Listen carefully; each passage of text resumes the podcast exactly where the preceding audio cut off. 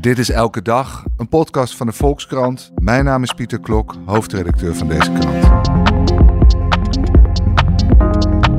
Woensdag gaat Indonesië naar de stembus. Ruim 204 miljoen mensen mogen hun stem uitbrengen. Een gigantische en complexe operatie dus, waarin veel mis kan gaan. Wat staat er op het spel? Op wie stemt Indonesië nu de populaire president Joko Widodo niet meer meedoet? Ik bespreek het met correspondent Noël van Bemmel en voormalig correspondent Michel Maas. Noël, om met die enorm complexe operatie te beginnen. Uh, Indonesië is natuurlijk een archipel, heel veel eilanden. Hoe, hoe ziet verkiezingsdag eruit? Ik begrijp dat jij uh, uh, morgenochtend, dinsdagochtend om zes uur op een paard gaat om, om afgelegen stembureaus te bereiken. Ja, ik ben uh, nu op Oost-Java en uh, ik dacht ik ga een verhaal maken over de grootste en meest complexe eendagse verkiezingen ter wereld. Daar hebben ze zelf voor gekozen om het in één dag te doen. En uh, ja, dat betekent dat ze 7,9 miljoen vrijwilligers nodig hebben om uh, alle stembureaus te kunnen voorzien van stembussen en stembiljetten in dit enorme land. 5000 kilometer lang, 6000 bewoonde uh, eilanden. En uh, ja, in drie tijdzones. Dus ja. ik heb gekozen om naar een klein dorpje te gaan op Oost-Java. En dat is alleen bereikbaar te paard. Uh, want ik dacht, dat is weer wat anders. Maar er gaan ook uh, stembussen met vrijwilligers naar afgelegen eilanden toe, die al dagen aan het varen zijn. En uh, die hebben af en toe last van zwaar weer en dan, dan, kunnen ze gewoon helemaal niet daar komen. Of het gaat per helikopter, vooral in, uh, in Papua, of het gaat per bootjes. En ja, ik ga te paard. Ik ben benieuwd of alles op tijd aankomt. En, en hoe moeten we dat voor ons zien? Er gewoon, gewoon een aantal paarden en een aantal uh, stembussen en, en, een stapeltje stembiljetten? Er wordt gestemd niet alleen op uh, de president, maar ook op allerlei lokale uh, parlementariërs. Dus er zijn vijf stembussen nodig per stemlokaal. En dat zijn ruim 800.000 stemlokalen. Dus dat gaat om miljoenen. En in dit geval staan er vijf paarden klaar waar die grote stembussen op worden geladen. En dan is het eh, bergop lopen samen met de politie en uh, het leger. En ik en de fotograaf dus ermee. En ook weer terug. Dus nadat gestemd is, gaan al die ingevulde stembiljetten gaan weer terug naar de grote steden. Ja, die worden geteld en die worden bewaard. Zo, zo, en, en die worden bewaakt ook. En hopelijk uh, opgeborgen, dat is ook nog een ding, dat het niet wordt opgegeten door allerlei ongedierte voordat, uh, hè, voordat het allemaal klaar is. Oké, maar het tellen gebeurt in het dorpje zelf en dan, dan wordt die uitslag vervolgens gewoon doorgebeld. Ja, tellen gebeurt die avond na het stemmen uh, tot 7 uur s ochtends. En uiteindelijk kan het één maand duren voordat de officiële, de, de, officiële uitslag er is. Maar er zijn al wel exit polls. En wat ook nog opmerkelijk is, is dat er dus uh, heel veel slachtoffers bij vallen. De vorige keer waren er 900 doden te betreuren onder de vrijwilligers en 2000 gewonden. 900? Dus dit jaar hebben ze bedacht, uh, we moeten proberen om het aantal doden wat te beperken onder de stembusvrijwilligers. Door bijvoorbeeld de maximale leeftijd te verlagen naar 55 en ook een medische test te, te eisen voordat je met de stembus op pad kan. En ze hopen dat daardoor uh, het, het, aantal mensen die door uitputting uh, en hart, hartfalen uh, overlijden, dat, dat dat dit jaar minder wordt. Want het zijn hele barre tochten die ondernomen worden. Het kunnen barre tochten zijn, maar het is, zijn vooral de, de, lange dagen en s'nachts doorhalen. En de beloning was bescheiden. Die is nu verdubbeld uh, dit keer. Zodat hopelijk niet alleen uh, ouderen, 60-plussers, 70-plussers bereid zijn om het te doen. Maar dat er ook jongere mensen willen doen die wat fitter zijn. Ja, en wat is dat voor dorpje eigenlijk waar je morgen heen gaat? Hoeveel mensen wonen daar? Ik heb geen idee. Ik kan het niet eens vinden op de kaart. Ik heb geprobeerd om het te vinden, maar het is dus in, een, in het midden van een uh, natuurpark. Dat verklaart ook waarom het niet is aangesloten op het wegennet. Ja, ik geloof dat er een stuk of tien uh, huisjes staan en een klein uh, schooltje. Maar ook deze mensen moeten dus, uh, hebben dus het recht om te stemmen en die moeten dus bediend worden. Ook wel heel mooi dat ze zich die moeite getroosten. Ja. De man op wie de Indonesiërs het liefst zouden stemmen waarschijnlijk, de huidige pre president Joko Widodo, staat niet op het stembiljet. Hoe verklaar je dat hij, hij na tien jaar nog steeds zo populair is? Ja, ik denk dat dat twee redenen heeft. Eén is, uh, hij heeft het voor elkaar gekregen om ieder jaar circa 5% economische groei te realiseren. En dat betekent dus dat mensen zien om zich heen dat, er, dat het beter gaat, dat er een grotere middenklasse is, dat er meer gekocht, geconsumeerd kan worden. En dat de kans op een baan is verbeterd. Dus dat voelt natuurlijk goed. De, de, de, de, je, je bent minder angstig. De tweede deel is zijn imago als, uh, ja, als, als buitenstaander, als uh, kuda zo zie je zeggen, het, uh, het, het, zwarte paard. Die niet behoort tot de elite, de, de, de zakelijke elite of de politieke elite. Een eenvoudige timmerman, meubelmaker, die het min of meer toevallig bracht tot burgemeester en daarna gouverneur en daarna president. En hij heeft het imago echt met veel succes. Is hij dat blijven uitbaten met zijn bijna dagelijkse uh, tochten, bezoekjes aan passars, markten. En dan gaat hij vragen: wat, hoe, wat is de, de prijs van de touw vandaag en van de kip? Nou ja, dat vinden mensen echt geweldig. Hij is een van ons. Hij is, hij is van, van het volk, voor het volk. En hij mag niet meer, door, hij mag niet meer door. Het is een soort maximum. Hij mag niet meer door. Hij heeft het wel geprobeerd om nog een derde uh, termijn te krijgen. Maar dat is geblokkeerd door zijn partij. En toen heeft hij bedacht, nou, wie moet ik nu, uh, hè, hoe ga ik nou eigenlijk mijn, mijn nalatenschap verzekeren? Dat doen veel machthebbers natuurlijk. Dat, is een, dat schijnt een hele normale, uh, hele normale reactie, menselijke reactie te zijn om dat te doen. Alleen in Indonesië kan het ook. En hij, uh, heeft dus besloten om niet op de, partij, op de kandidaat van zijn eigen partij te stemmen, maar op uh, zijn minister van Defensie, die voor een heel andere partij uitkomt en die al twee keer tegen hem heeft opgenomen in de presidentsverkiezingen. Dat waren echt harde gevechten. Dat waren geen vrienden. Maar op het moment dat uh, Jokowi voor de tweede keer won, heeft hij uh, een belangrijke baan, die van minister van Defensie, aangeboden aan deze concurrent, Prabowo. Dat is wel echt een, een, een, een tellig van een machtig zakelijk en, en politiek geslacht. Maar daar hoopt hij zijn eigen belangen mee te beschermen door deze kandidaat te steunen. Ja, hij is er dus heel vaag over. Niemand weet het. Zelfs, uh, hij zegt zelfs niet eens dat hij iemand steunt. Hij heeft wel zijn zoon naar voren geschoven als zijn vicepresident, als zijn running mate. Dus dan is het voor iedereen al duidelijk van, nou ja, hij steunt dus kennelijk steunt de familie Prabowo. En het wordt beweerd, ik weet het niet uit eigen hand, dat hij uh, dus meer vertrouwen in heeft dat Prabowo zijn beleid gaat voortzetten dan uh, de gedoodverfde kandidaat van zijn eigen partij, Ganjar, die nu uh, achteraan in de peilingen hobbelt. Omdat hij wordt gezien als een beetje zwak. Het is een minzame beroepsbestuurder. Ook een, een vrij eenvoudige familie, zoon van een politieagent. Maar niet een hele sterke bestuurder die het misschien op kan nemen tegen de leider van de partij waar, uh, waar deze mannen lid van zijn. Waarom heeft zijn eigen partij niet besloten met hem door te gaan als hij bijna zeker was van de overwinning? Nee, maar hij mag niet meer dan twee keer, twee periodes. Maar als hij, als hij steun van zijn partij had gehad om dat op te rekken of zo, had het misschien, was het misschien nog wel gelukt. Nou, misschien uh, hadden ze er een grondwettelijke wijziging van kunnen maken. Uh, alles is mogelijk, maar ja, hem was geblokkeerd. Je mag niet nog een keer meedoen. Maar vervolgens heeft hij dus zijn zoon, zijn zoon van Joko Widodo, wordt beoogd vicepresident onder die belangrijkste andere kandidaat. Prabowo, ja, ja, ja, ja, onder zijn voormalige vijand. En nu komt het, die zoon uh, Gibran was eigenlijk te jong, 36 jaar. Je moet 40 zijn, wil je president of vicepresident mogen worden. Jokowi zegt zelf, hij heeft er niks mee te maken, maar men gaat ervan uit, Jokowi heeft voor elkaar gekregen dat zijn zoon een uitzondering kreeg en dat hij toch mag meedoen als vicepresident.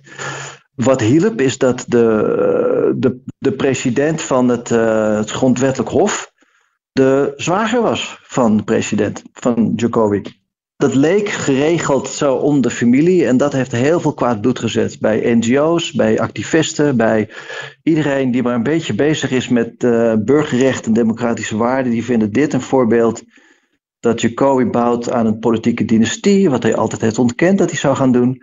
En dat hij dus eigenlijk de regels buigt ter wille van zijn eigen persoonlijke belangen. Dus er is uh, vandaag ook zijn er demonstraties geweest uh, om nog eens, uh, ja, om daar nog eens tegen te ageren. Ja, Michel, je hebt 18 jaar in Indonesië gewoond. Je hebt de opkomst van Jokowi, zoals Noël hem noemt, president Widodo eigenlijk vanaf het begin af aan meegemaakt, in 2014. Uh, nou, Noël noemde al een aantal redenen dat hij zo populair is. Wat zie jij nog als andere oorzaken voor die uh, niet afnemende populariteit? Ja, ik moet zeggen, er is een hoop blijven hangen van 2014. Want ik, ik was er ook bij. Ik was zo blij dat hij het werd en niet Prabowo. Dat was zijn, uh, zijn tegenstander toen, zijn medestander nu. Prabowo, daar hing nog zo'n zo'n uh, aura omheen van mensenrechten schendingen. En, uh, en, die man was op alle manieren fout. Hij was ex-generaal, schoonzoon van een dictator. En Jokowi die kwam dus uit het... Welke dictator was dat? Suharto. Ja, oké. En daar was, uh, Prabowo was daar de schoonzoon van. En iedereen ziet hem als een soort voortzetting van dat soort denken.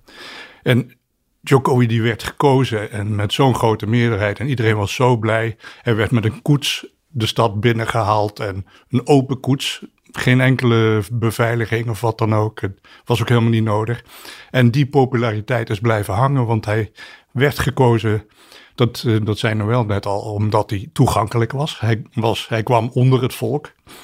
Maar gaandeweg is hij wel veel minder een man van het volk geworden. En dat uh, blijkt nu dus ook, nu die een, een dynastie in vormen is, nu die het uh, grondwettelijk hof gebruikt, zijn, zijn zwager daar gebruikt om zijn eigen belang te dienen.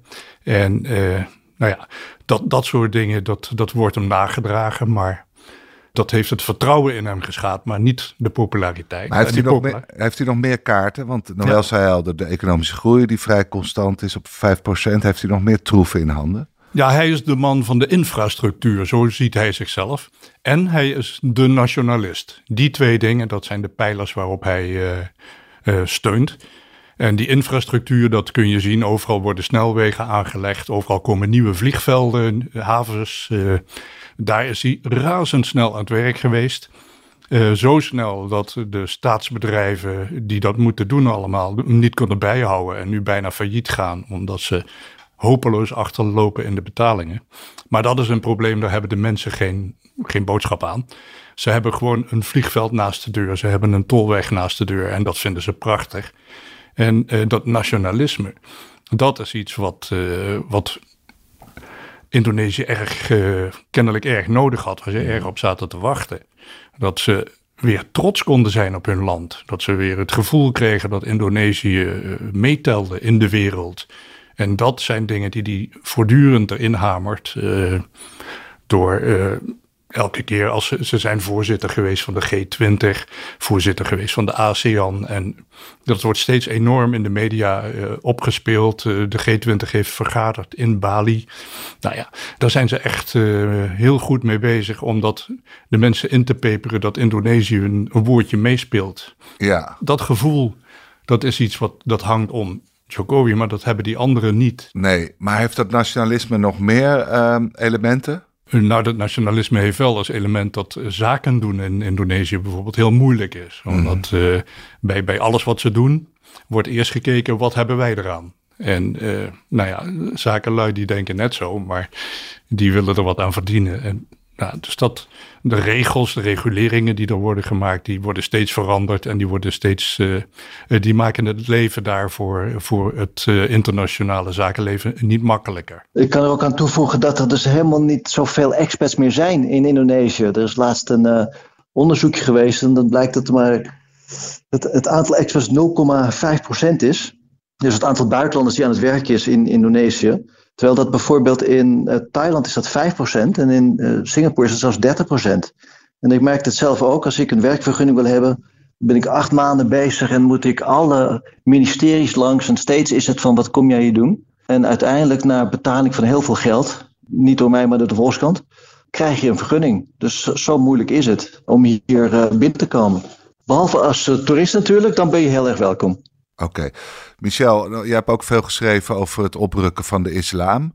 Ja. Welke positie heeft Jokowi daarin gekozen? Nou, hij heeft de positie gekozen dat hij de islam heeft geïncorporeerd in zijn uh, bestuur. Zijn vicepresident uh, was een, een, zeg maar een voorman, een, een oude voorman van de zelfs radicale islam. En die heeft hij in een paleis gezet en daarmee was dat probleem opgelost. En verder heeft hij ook de, de echte militante groepen heeft hij verboden. geleidelijk aan, toen hij voelde dat het moment klaar was, het moment rijp was, heeft hij ze van de straat gehaald. Mhm.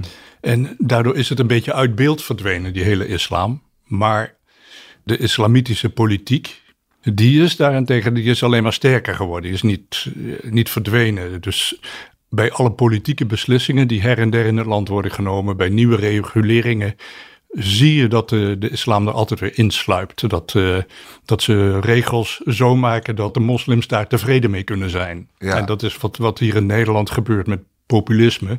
Dus wat Wilders twintig jaar geleden riep, zit nu in alle partijprogramma's. Ja, dat nieuwe strafrecht is een, eh, is een voorbeeld daarvan, hè, dat over twee jaar ingaat.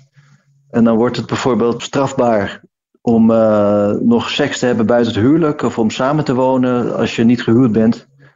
Of er staat zelfs drie jaar gevangenisstraf op eh, het beledigen van de president.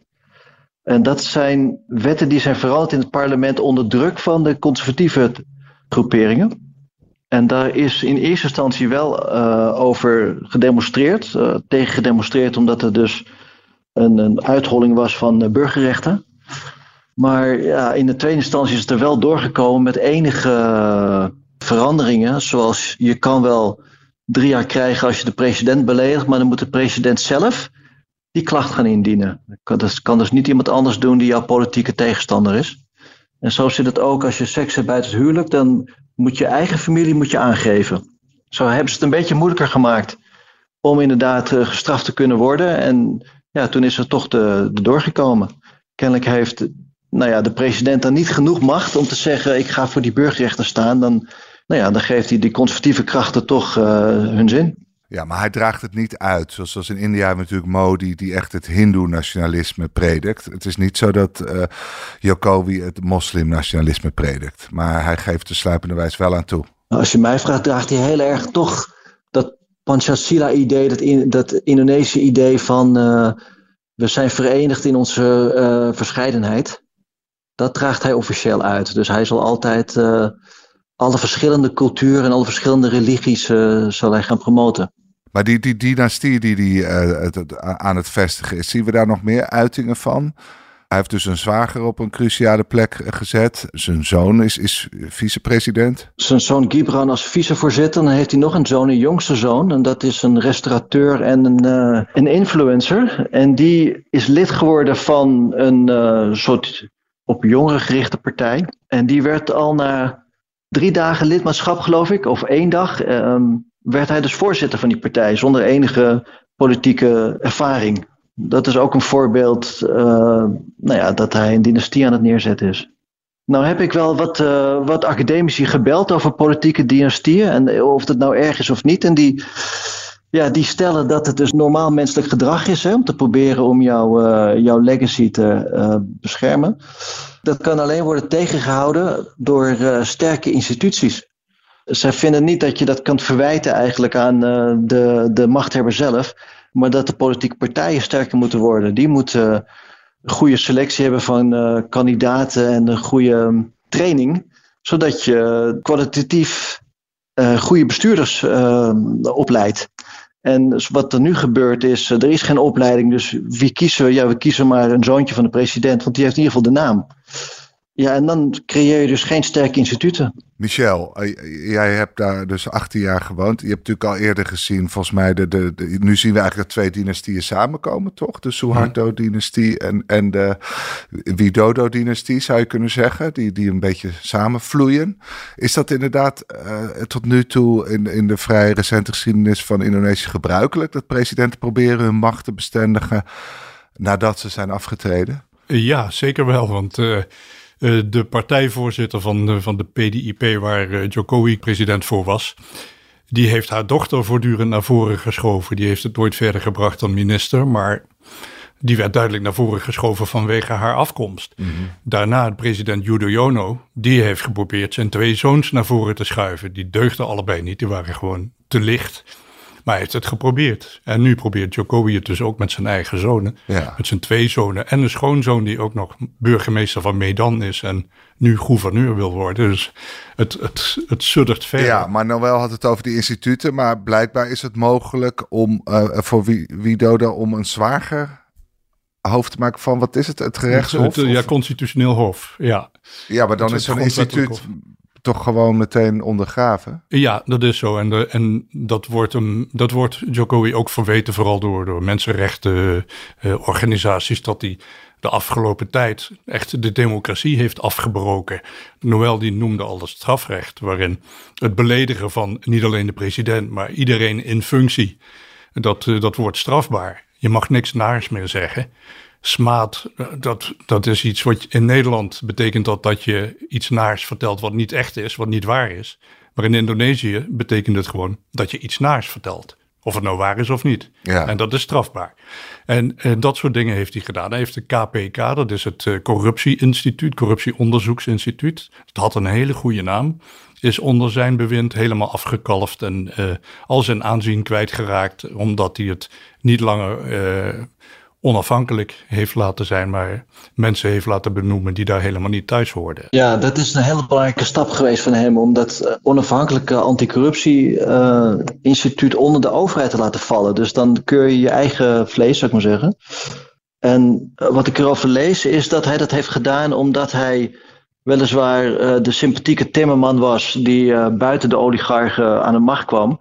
Maar op het moment dat hij begon met zijn bestuur merkte hij dat hij die steun toch nodig had van al die machtige families.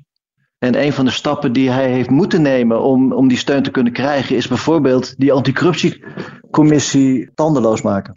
Dus dit zijn toch wel uh, voorbeelden dat uh, de instituties, democratische instituties in Indonesië, niet sterk genoeg zijn. En dat ze door uh, individuen kunnen worden beïnvloed. Ja, de bestuurscultuur is sterker dan de democratische cultuur. En die bestuurscultuur zijn families die van oudsher de macht verdelen. Ja, en, en Jokowi heeft ook uh, in het parlement heeft hij alle partijen in zijn kabinet opgenomen, bijna alle partijen, zodat er helemaal geen oppositie meer was.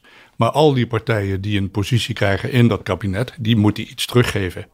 Niemand doet iets voor niks in ja. Indonesië. Dus uh, dat betekent dat hij eigenlijk met handen en voeten is gebonden aan al die partijen. En dat hij dingen moet doen die hij misschien helemaal niet had willen doen, maar... Nee, maar een van de redenen dat jij ook bij wijze van spreken blij was in 2014 dat Jokowi het werd en, en niet zijn tegenkandidaat was, dat je hoopte dat er afgerekend zou worden met precies deze cultuur. Ja, ja, en elke keer als er een nieuwe president komt, is er die hoop. Ja. uh, dat het in ieder geval een beetje anders wordt. Of, en bij hem was de hoop dat het echt een heleboel anders zou worden. Want hij was burgemeester in Solo en daar deed hij allemaal grappige dingen. Hij liet uh, technische school een eigen Indonesische auto bouwen van onderdelen uit China. En dat vond iedereen zo geweldig. Een Indonesische auto, dat is een mm. droom. En uh, ja, nu aan het eind van zijn bewind is hij ook weer begonnen met iets dergelijks. Hij is een nieuwe hoofdstad aan het bouwen. Ja. En uh, ja, dat, dat werd verkocht als de redding van Jakarta. Want dat, Jakarta zinkt weg, zakt weg, zakt onder de zeespiegel. En uh, kom, zei hij, we gaan de, de hele hoofdstad verplaatsen naar Kalimantan. Dat ligt mooi in het midden als je het op de landkaart bekijkt. Het ligt wel ver van alles vandaan, maar theoretisch ligt het mooi in het midden. En niemand uh, heeft het sindsdien meer over dat Jakarta nog altijd blijft zinken en dat er nog altijd mensen wonen. Dus dat dat ook moet gered worden. En niemand heeft het ook over, over wat die hoofdstad nou eigenlijk moet gaan worden, want er zijn geen investeerders. Dat is dat zakenleven, mm -hmm. dat nationalisme. Die mensen blijven weg, want ze hebben er geen vertrouwen in. En wat er tot nu toe is gebouwd, dat is bijna niks. Ze hebben een half oerwoud hebben ze omgehakt. Dat stond mm -hmm. daar nog. Lokale investeerders hebben grond gekocht en hopen dat die veel waard wordt.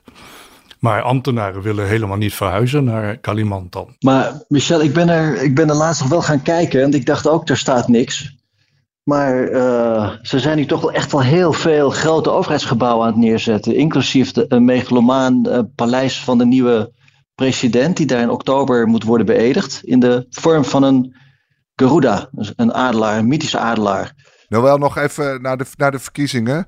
Nou, we constateerden hier toch enige teleurstelling bij de voormalig uh, correspondent. Dat het ook deze president niet is gelukt om die oude cultuur van politieke dynastieën uh, te doorbreken. Voelt het electoraat dat ook zo? Wat voel jij op straat? hangt er een soort optimistische stemming van we mogen weer. En, en zijn er kandidaten die dat optimisme slagen om dat op de een of andere manier aan te wakkeren? Of, of, of, of is er vooral sprake van gelatenheid? Er is, dus sprake juist van opgewektheid. Dus ik wilde ook iets relativerends nog zeggen over uh, Indonesië, omdat wij nu praten over uh, de kwaliteit van het openbaar bestuur. En we hebben een academische discussie over burgerrechten. En uh, nou, dat is allemaal heel belangrijk en daarom schrijven we er ook over. Alleen als je met de gewone Indonesiërs praat, dan zeggen ze: Ja, joh, maar dit is allemaal op papier, al die dingen. Die nieuwe wetten, um, dat je geen seks mag hebben met iemand waarmee je niet getrouwd bent. Ja, weet je, dat hebben politici verzonnen in het parlement. Maar daar gaan we nooit meer wat over horen. Dat is gewoon, ja, ze halen hun schouders op van. Het is een verzinsel waar wij eigenlijk niks mee te maken hebben. En dat geldt natuurlijk ook voor de dynastieke politiek en uh, over uh, al, die, al die juridische zaken. Als zij hun leven leiden, dan zeggen ze: Ja, ik ben geïnteresseerd in mijn inkomen, dus mijn, uh, mijn sendok mijn lepel rijst. En of ik mijn kinderen naar school kan sturen. En in dat geval kijken ze om zich heen en zien ze dat het echt wel beter gaat met Indonesië. En zijn zij, ja, ik zou zeggen, de sfeer is uh, opgewekt en ze hebben er zin in. Er was vandaag een demonstratie over die kwestie met uh, die zoon en het constitutioneel hof. Maar het waren dus enkele honderden demonstranten. Dat is dus heel erg weinig. Ja, maar welke kandidaat heeft dan hun voorkeur? Wie sluit het meest aan bij, die, bij dat optimisme um, over de economische ontwikkelingen? Nou ja, ruim de meeste mensen gaan op Prabowo stemmen, de oud-generaal, de man van het Suharto-regime. Omdat zij dus het gevoel hebben dat de huidige president kiest voor Prabowo. En Prabowo heeft beloofd, ik ga gewoon door met het economisch beleid dat uh, Jokowi heeft gedaan. Dus jullie blijven gewoon uh, 5% economische groei krijgen.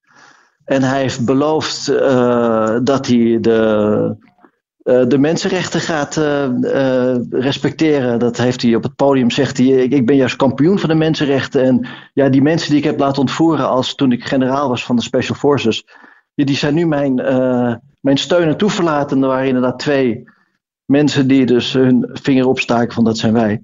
ja, hij heeft dus een heel ander imago. En ik heb even gebeld met wat analisten over wat vinden jullie daar nog van? Gaan we terug qua mensenrechten naar die donkere tijden van uh? Maar zij zeggen, ja, dat, dat kan je toch niet vergelijken. Dat was uh, ruim twintig jaar geleden. Toen waren er minder spelers, minder politieke partijen. Uh, er was minder vrije pers. Zij denken, het gaat, we geven hem het voordeel van de twijfel. Het, hij gaat uh, niet alles terugdraaien op dat gebied. Dus we zullen zien. Ik ben ook heel benieuwd. Het laatste woord is voor Michel. Ik krijg de indruk dat jij hem niet het voordeel van de twijfel gaat geven. Je kijkt net nou, een nee, verschrikt. Nou, een, een klein voorbeeld. Uh, afgelopen week heeft de Human Rights Watch alle drie de kandidaten een lijstje met vragen voorgelegd over mensenrechten. En twee kandidaten hebben dat keurig ingevuld en één niet. En dat is Prabowo. Mm -hmm. Dus uh, heel veel vertrouwen heb ik daar niet in. Maar jij vreest wel dat die tijden van weleer weer terug kunnen keren? Uh, die... Nee, dat, dat zal moeilijk zijn. Maar dan kom je, want dan kom je ook op het gebied van die wetgeving, waar mm. Noël het net over heeft. En die wetten die zullen vaak niet toegepast worden. Maar het probleem met die wetten is dat ze er zijn. En als iemand ruzie met jou heeft, dan kan die altijd een wet vinden om jou op te pakken. En dan kom je ja, bij iets wat, wat een analist mij ooit heeft verteld, is van in Indonesië gaat nooit iemand naar de gevangenis in als niet iemand anders dat wil. Ja. Dus die wetten die zijn er om gebruikt te worden. Niet door iedereen, maar het zijn werktuigen. En dat soort werktuigen, dat zijn er meer geworden. En Prabowo is wel de man daarnaar om mensen de mond te snoeren. Hij heeft ook al heel dreigend uitgehaald naar de media. Er zijn heel veel media waar hij niet meer mee wil praten. Buitenlandse media vindt hij verschrikkelijk. Dat vindt hij allemaal fake media, dat heeft hij mij persoonlijk nog verteld. En uh, nou ja, die heeft hij echt dreigend toegesproken van wacht maar. Verder heeft hij er, ging hij er niet op in. Maar ik denk dat het voor Noël nog veel moeilijker gaat worden om een werkvergunning te krijgen dan. Nou, voor wel, dat is geen vrolijke boodschap. Nou, we, gaan, we gaan gewoon proberen om hem te interviewen en dan kijken wat hij vindt van de, of hij ons negeert of niet. Dat lijkt me de enige juiste reflex. Mag ik jullie allebei heel hartelijk danken voor deze uitgebreide uitleg. Graag gedaan. Graag gedaan. En u luisteraar, dank voor het luisteren. De Volkskrant Elke Dag wordt gemaakt door Lotte Grimbergen, Rinky Bartels, Julia van Alem, Corinne van Duin, Jasper Veenstra en Nathalie Denis. En wilt u de Volkskrant steunen? Neem dan een abonnement. Dat kan nu voordelig via volkskrant.nl/slash podcastactie. Want deze podcast is gratis, maar onze journalistiek is dat niet. Morgen zijn we er weer. Tot dan.